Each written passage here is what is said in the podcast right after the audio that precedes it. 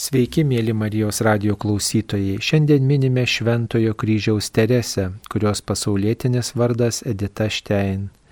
Jos gyvenime buvo visko, ką išgyveno 20-ojo amžiaus vidurio Europos žmonės. Būdama žydų šeimos narė, jis siekė mokslo, uoliai domėjosi filosofija, atrado Kristų kaip gyvenimo tiesą ir giliausią prasme. Taip pat atrado pašaukimą į karmelitų vienuolyje buvo persekiojama ir nukentėjo nuo holokausto siaubo, žuvo dujų kameroje Aušvice. Šalia kitų moterų ji yra Europos globėja, nes jai iš tiesų rūpėjo šio krašto žmonių dalė. Šventasis popiežius Jonas Paulius II labai domėjosi šio šventosios dramatiško gyvenimo istorija ir paliktais raštais. Popiežius vienoje iš savo kalbų sakė, ši kankinė yra drasi.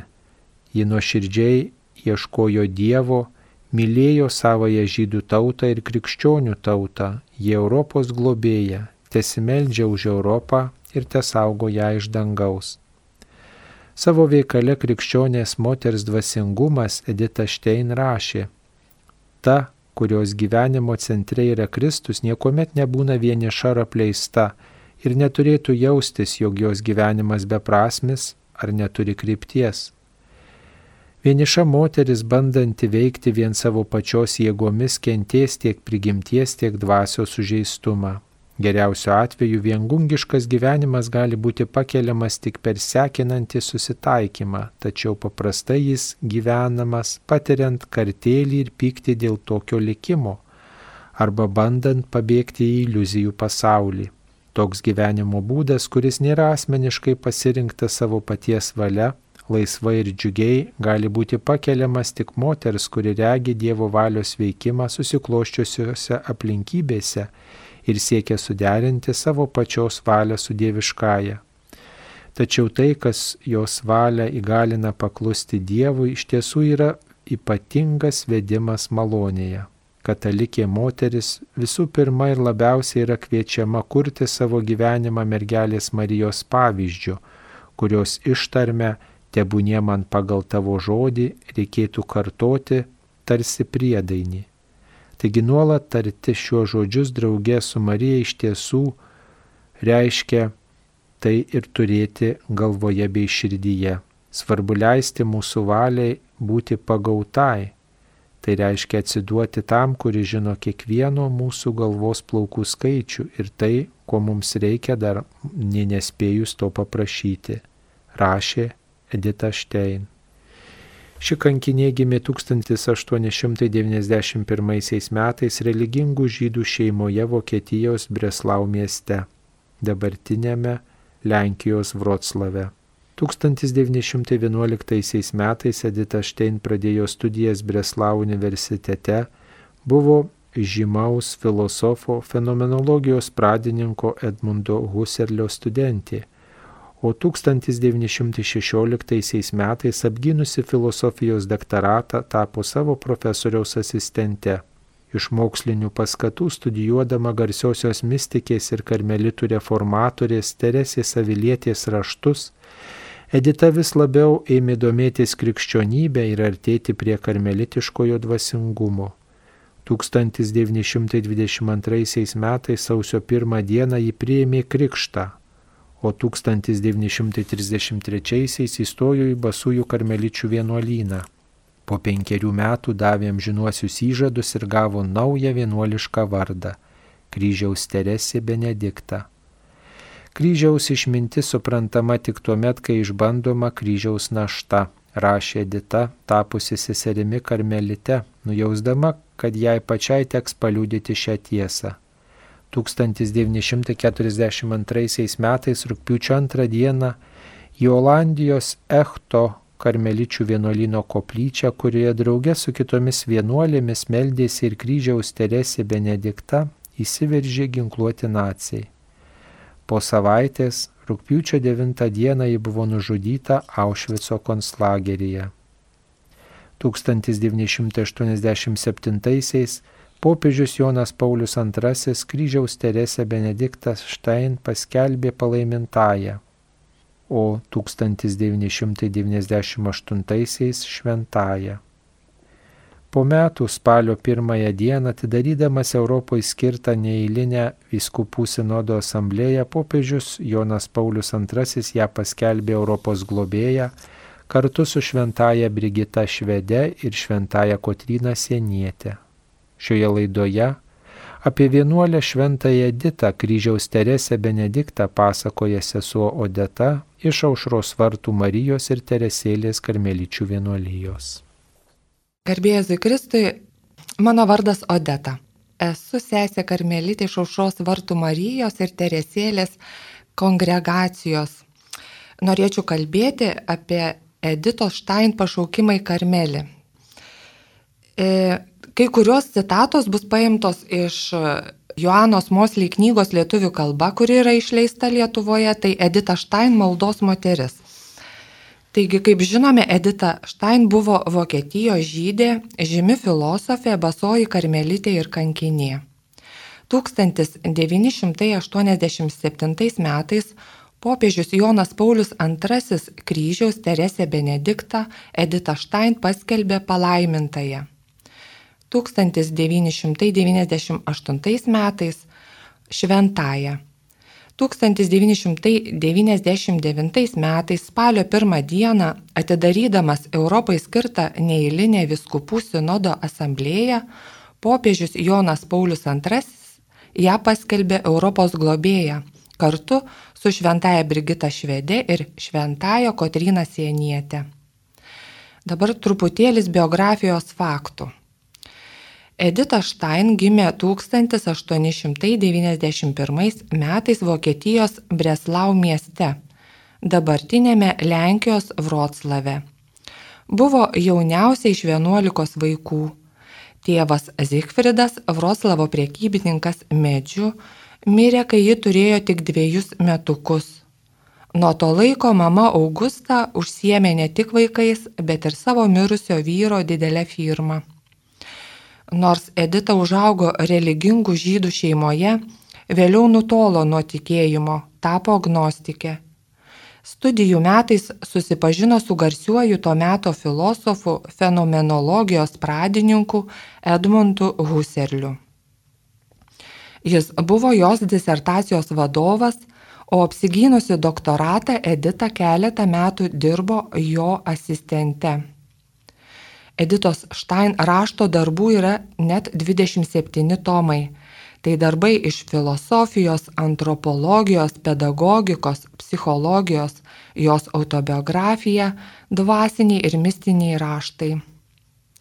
1915 metais, prasidėjus Pirmam pasauliniam karui, ji nutraukė studijas ir įsidarbino Raudonajame kryžiuje Austrijoje, slaugė sužeistus karius. Vėliau, kai nebegalėjo dėstyti universitete, dirbo mokytoje Špėjurio Domininkonių vienuolyno mokykloje. Skaitė paskaitas ir konferencijas mokytojoms apie moters pašaukimą. 1933 metais įstojo į Kelno karmelį. Mirė 1942 metais greičiausiai rūpiučio 9 buvo nunuodyta Aušvico Birkenau koncentracijos stovykloje. Dabar trumpai pažvelgsime į jos kaip karmelitės pašaukimą. Šis pašaukimo į karmelį kelias buvo ypatingas ir unikalus. Edita atrado Dievą ieškodama tiesos. Jis sakė, mano tiesos ieškojimas buvo kaip nenutrūkstama malda. Ilga kova dėl apsisprendimo laikytis Jėzaus Kristaus tikėjimo tęsėsi iki 1921 metų, kada perskaitė Šventojios Jėzaus Teresės autobiografinę knygą Gyvenimas. Perskaičiusi pasakė, tai yra tiesa. Skaitė tą knygą visą naktį ir šioje naktyje atrado tiesą ne filosofinę tiesą, bet tiesą asmenį, į kurį kreipiamasi tu. Edita ieškojo tiesos ir atrado Dievą.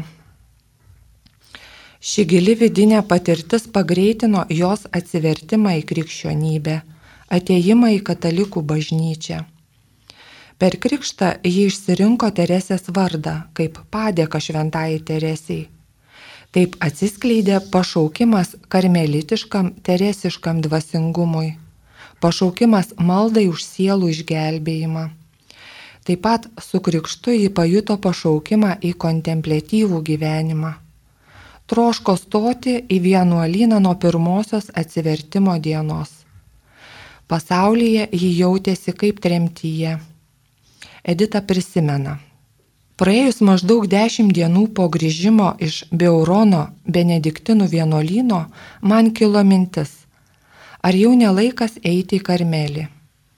Aš apie tai galvojau 12 metų nuo tos garsiosios 1921 vasaros dienos, kai mano rankas pakliuvo Šventojios Teresės gyvenimas, nutraukdamas ilgąją piligriminę kelionę tikrojo tikėjimo link. 1922 metais sausio pirmą dieną Krikšto metu pajutau, kad tai buvo tik vienas iš etapų pasiruošimas prieš stojant į Karmelio ordiną. Edita įstojo į Kelno karmelį 1933 metais per Šventojios Jėzaus Teresės iškilmę. Jeigu taip seniai troško, kas trukdė prisijungti prie Karmelio šeimos daug anksčiau. Ji turėjo du dvasios vadovus - kanauninką Juozefą Švindą ir po jo mirties benediktinų vienuolį Rafaelį Valcerį. Pirmasis neleido stoti į vienuolyną dėl jos mamos ir dėl neturėjimo vienuolinio gyvenimo patirties. Antrasis taip pat dėl mamos ir dėl to, kad ji jau buvo žinoma tarp katalikų ir visuomeninėme gyvenime ir buvo reikalinga pasaulyje, o ne tarp vienuolyno sienų. Įdomu pastebėti, kad Edita pažinusi benediktinų ir domininkonų dvasingumus vis tiek veržėsi į karmelį. Jis sakė, manęs paklausė mano šventojo globėjo vardo, žinoma tai šventasis tėvas Benediktas. Jis mane įvaikino, suteikė prieglopsti savo ordinę, bet priekyje savęs nemačiau nieko kito, tik Karmelio kalną. Dar prieš atsivertimą Edita domėjosi ir susipažino su pranašu Elyju ir jo dvasios veiksmingumu. Editai buvo svarbu, kad ordino šaknis yra Izraelyje ant Karmelio kalno. Karmelio dvasioje yra būti prieš Dievą už visus kaip pranašas Elyjas. Kaip gyvas viešpas Izraelio Dievas, kurio akivaizdoje aš stoviu aš degu uolumu viešpačiui galybių Dievui. Ir ji buvo įsitikinusi, kad viešpas Karmelija jai paruošė kažką ypatingą ir tik būdama ten galėjo tai atrasti. Vienam žydų bičiuliui įrašė. Ateimas į Karmelį nėra praradimas tų, su kuriais esame susiję, kurie mums artimi. Bet turėtume kaip tik kalbėti apie naudą, nes mūsų pašaukimas melstis Dievui už visus. Taip pat popiežius šventasis Jonas Paulius II savo homilijoje pabrėžė, pagal Edito Štain įsitikinimą, kas ateina į karmelį nepraranda savo artimųjų, draugų, bet iš tiesų kaip tik atranda, nes jų darbas yra būti prieš Dievą už visus. Vienai apaštaliniai sesutei vienuoliai ji rašė, Karmelis yra aukštas kalnas, į kurį turime pradėti kopti nuo papėdės, pačios apačios. Melskis už mane, kad galėčiau vertai gyventi intimų paslėptą vidinį gyvenimą bažnyčios šventovėje už tuos, kurie yra išorėje, pasaulyje. Per įvilktuves Edita išsirinko kryžiaus Teresės Benediktos vardą. 1935 metais davė pirmuosius įžadus, o 1939 amžinuosius. Tada jį parašė šią maldą, kuri atskleidžia jos buvimo karmelyje prasme. Švenčiausio išganytojo širdie, Pažadu pasinaudoti visomis pasitaikančiomis progomis, suteikiant tau džiaugsmo. Ir kada galiu rinktis, noriu išsirinkti, kas labiau tave pradžiugina. Pažadu tau savo meilę ir sieksiu tobulai atsiliepti pašaukimą, kad tapčiau autentiška karmelitė, tikra tavo nuotaka. Meldžiu suteiki man jėgų išpildyti šiuos įžadus. Te padeda man tavo motina ir mano šventasis angelas. Edita Karmelija jautėsi pilna ramybės, kai siela žino, jog yra tinkamoje vietoje ir vykdo Dievo valią, paklusdama vyresniesiems. Pasaulyje Edita buvo žinoma ir gerbiama kaip mokslininkė filosofė, todėl atėjusi į vienuolyną tik su Dievo pagalba galėjo gyventi pilną paprastumo ir nuolankumo gyvenimą. Ir žinoma, tai nebuvo lengva, reikėjo daug pastangų, kantrybės, kasdienės kovos. Jos bendruomenės sesers Teresės Margaritos atminimas. Edita Štain atrado Karmelėje savo naują šeimą. Jos rimtas veidas vis dar pažymėtas sunkaus išsiskirimo su savo šeima, mama ir artimaisiais, laikui bėgant prašviesėjo, keitėsi jos asmenybė ir ji atrodė 20 metų jaunesnė. Pradžioje kaip postulantė Edita gyveno ramų gyvenimą Ji meldėsi, dirbo ir mokėsi su mumis, kad vis labiau ir giliau pažintų ordino dvasę. Ypatingai mėgo liturginės valandas. Po krikšto šią maldą meldėsi kiekvieną dieną sugrįžusi po intensyvios darbo dienos. Dabar galėjo melstis ir gėdoti su savo bendruomenė. Labai mylėjo psalmes, tas tūkstantmetės Dievo tautos maldas, kuriai ji pati priklausė. Kai Edita įstojo į Karmelį, buvo jau 42 metų, maždaug 20 metų vyresnė už kitas naujokės. Brandus amžius turėjo ir trūkumų. Buvusi dėstytoja privalėjo vėl tapti mokinė. Vaikų besimokančių taisyklių.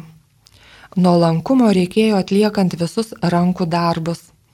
Edita buvo beviltiška, nors ir labai stengiasi. Kai reikėdavo siūti, jį diksniuodavo greitai, bet kreivas siūlės tekdavo ardyti ir persiūti. Ir kaip sakė motina Renata, pati baigusi namų ūkio mokslus, dar neteko sutikti žmogaus, kuriam taip nesisektų virtuvėje. Pasaulyje tam galima neteikti reikšmės ir netgi atjaučiamai nusišypsoti. O karmelėje netgi mažmožiai gali tapti didžiuliai kaip visata. Vieną dieną motina Renata išsakė Editai kandų priekaištą. Man tvirtino, kad pasaulyje buvai labai protinga moteris, o čia kiekvieną dieną vis labiau kvailėjai. Edita nuolankiai priėmė kritiką, nors buvo matyti, kad viduje vyksta kova, kaip rausta Editos veidas. Tai smeigtuko dūriai, kaip juos vadindavo šventoji Teresėlė. Edita rašo, Visi maži pasiaukojimai, kuriuos kasdien kuo smulkiausiai nustato regula ir reikalauja jų iš aktyvios sielos, didelė savikontrolė, kurios nuolat reikia artimai gyvendant su skirtingai žmonėmis ir pasiekiama su meilė šypsena, nepraleidžiant nie vienos galimybės pasitarnauti kitiems su meilė. Jie atvirai tuos kasdienius pasiaukojimus pavadino tylia visą gyvenimą trunkančią kankinystę. Karmelis absoliutų pasaulis. Tikslas yra Dievas, bet koks kelias veda pas jį. Pagal Joną Krikštitoje jam skirta aukti, o man mažėti. Žmogaus prigimčiai tai yra labai skausminga. Kad pasiektų viską, Edita turėjo tapti nieko, paneigti save visur, kur tik įmanoma paneigti per fizinius dalykus. Diena prasidėdavo pusė penkių ryto, nešildoma celė, kurioje atsiklaupusi apsiprausdavo iš vandens asočio. Prašyti pasiskolinti mūsų rašiklį, jei prireikdavo ką nors parašyti. Iškart jį padėti, kai tik nuskambėdavo į koplyčią raginantis varpas. Paneigti savo mintis ir valią, paklusti vyresniųjų valiai ji jau nebepriklausė savo. Tai gali ištverti tik harmoninga asmenybė. Tokioje aplinkoje, šiame savanoriškame kalėjime, tik Dievo pašauktas žmogus gali žydėti ir būti laimingas. Karmelitės gyvenimas yra malda ir pasiaukojimas. Edita džiūgavo dėl dviejų valandų tyliosios maldos. Taip sakė, jokia žmogaus akis neišvys, kad Dievas veikia sieloje per vidinės maldos valandas. Tai malonė po malonės. Edita nebesirūpino savo gyvenimu ir pagaliau atsipalaidavo. Ji atrodė atjaunėjusi, graži, vaikiškų džiaugsmų ir ji juokdavosi. Kvatodavosi su seserimis, pasakojame motina Renata, kol skruostai simdavo ristis ašaros. Jis sakydavo, kad per visą gyvenimą tiek nesijokė kaip per karmelio rekreacijas. Taip Edita pasinėrė į naująjį gyvenimą visą esybę. Taigi vienuolinė Edita gilinosi į karmelio šventųjų dvasingumą. Viename laiške užsimindama apie savo asmeninės rekolekcijas prieš įžadus įrašo, kad padėtų pasiruošti įžadams pasirinkau mūsų tėvą šventąjį kryžiaus Joną kurį jau buvau pasirinkusi prieš įvilktuves. Dar po metų įrašė, savo apmąstymams turiu kryžiaus Jono tamsėje naktį ir Jono Evangeliją. Savo darbe Karmelio istorija ir dvasia, kurį parašė 1935 metais apie šventąjį kryžiaus Joną, atsiliepia taip. Antrasis mūsų tėvas ir mokytojas, nes pirmasis yra Elijas, yra šventasis kryžiaus Jonas, kurį gerbėme kaip pirmąjį basąjį karmelitą. Jame randame senovės eremitinę dvasę išreikštą originaliuoju būdu. Susidaro įspūdis, kad jis gyvenime nežinojo vidinių kovų. Nuo ankstyvos jaunystės buvo ypatingai apsaugotas Dievo motinos, atsidavė griežtai atgailai vienatvėje ir atsižadėjo visko, kas žemiška, dėl susivienimo su Dievu.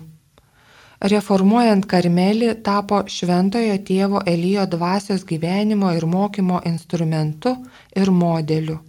Kartu su motina Terese dvasiškai suformavo pirmąją basųjų karmelitų ir karmeličių kartą. Šventasis kryžiaus Jonas savo raštais mus veda į Karmelio kalną. Pasak Editos Štain, karmelitiškas dvasingumas yra prieinamas kiekvienam tikinčiajam, ne tik vienuoliams. Bet tuo pačiu jau būdama Echto karmelėje ji prisipažino.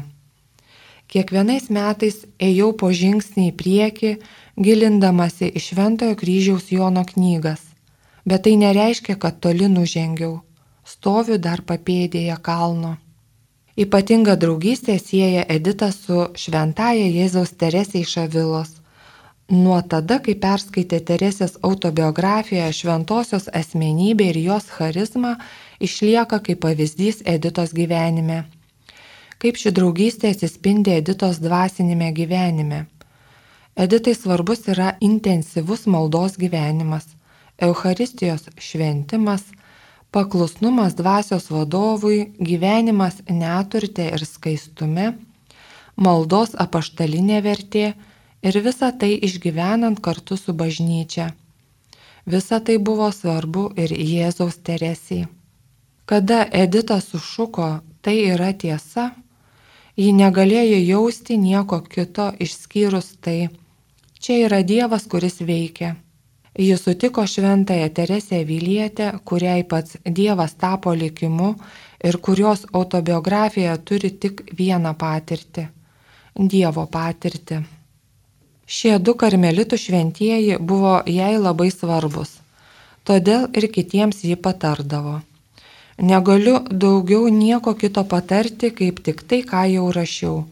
Patys svarbiausi šventųjų ir mystikų darbai yra tai pačios parašytas šventosios Jėzaus Teresės gyvenimas ir šventojo kryžiaus Jono raštai.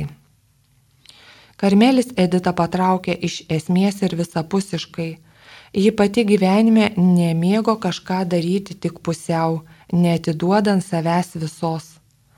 Atsivertusi nepriemė savimėlės apgaulės, mylėjo tiesą, buvo dėmesinga esmiai.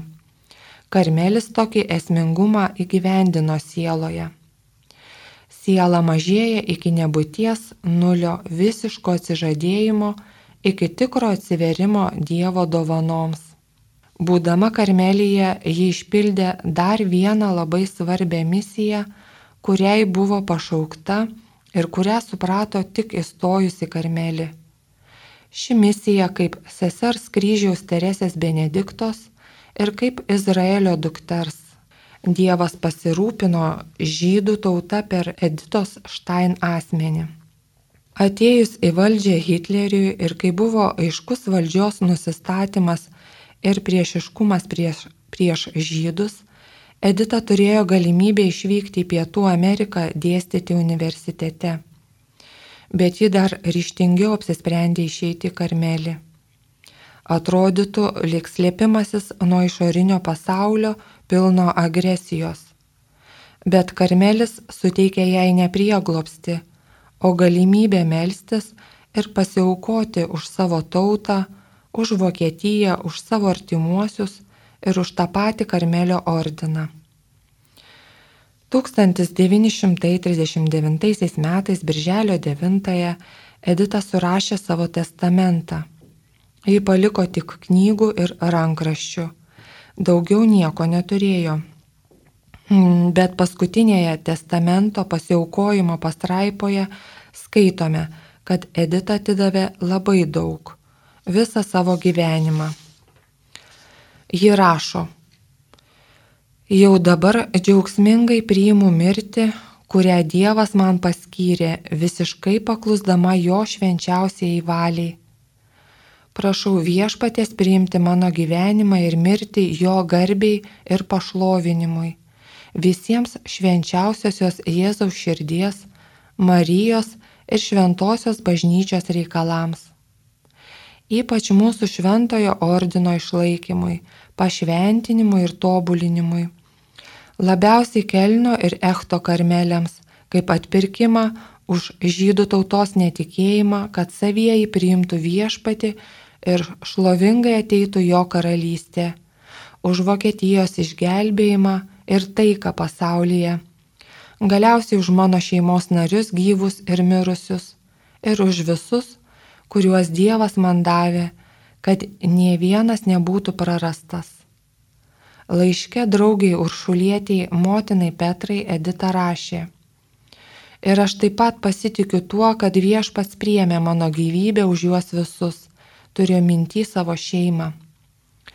Vis galvoju apie karalienę Esterą, kuri buvo išrinkta iš savo tautos būtent tam, kad galėtų ją užstoti prieš karalių.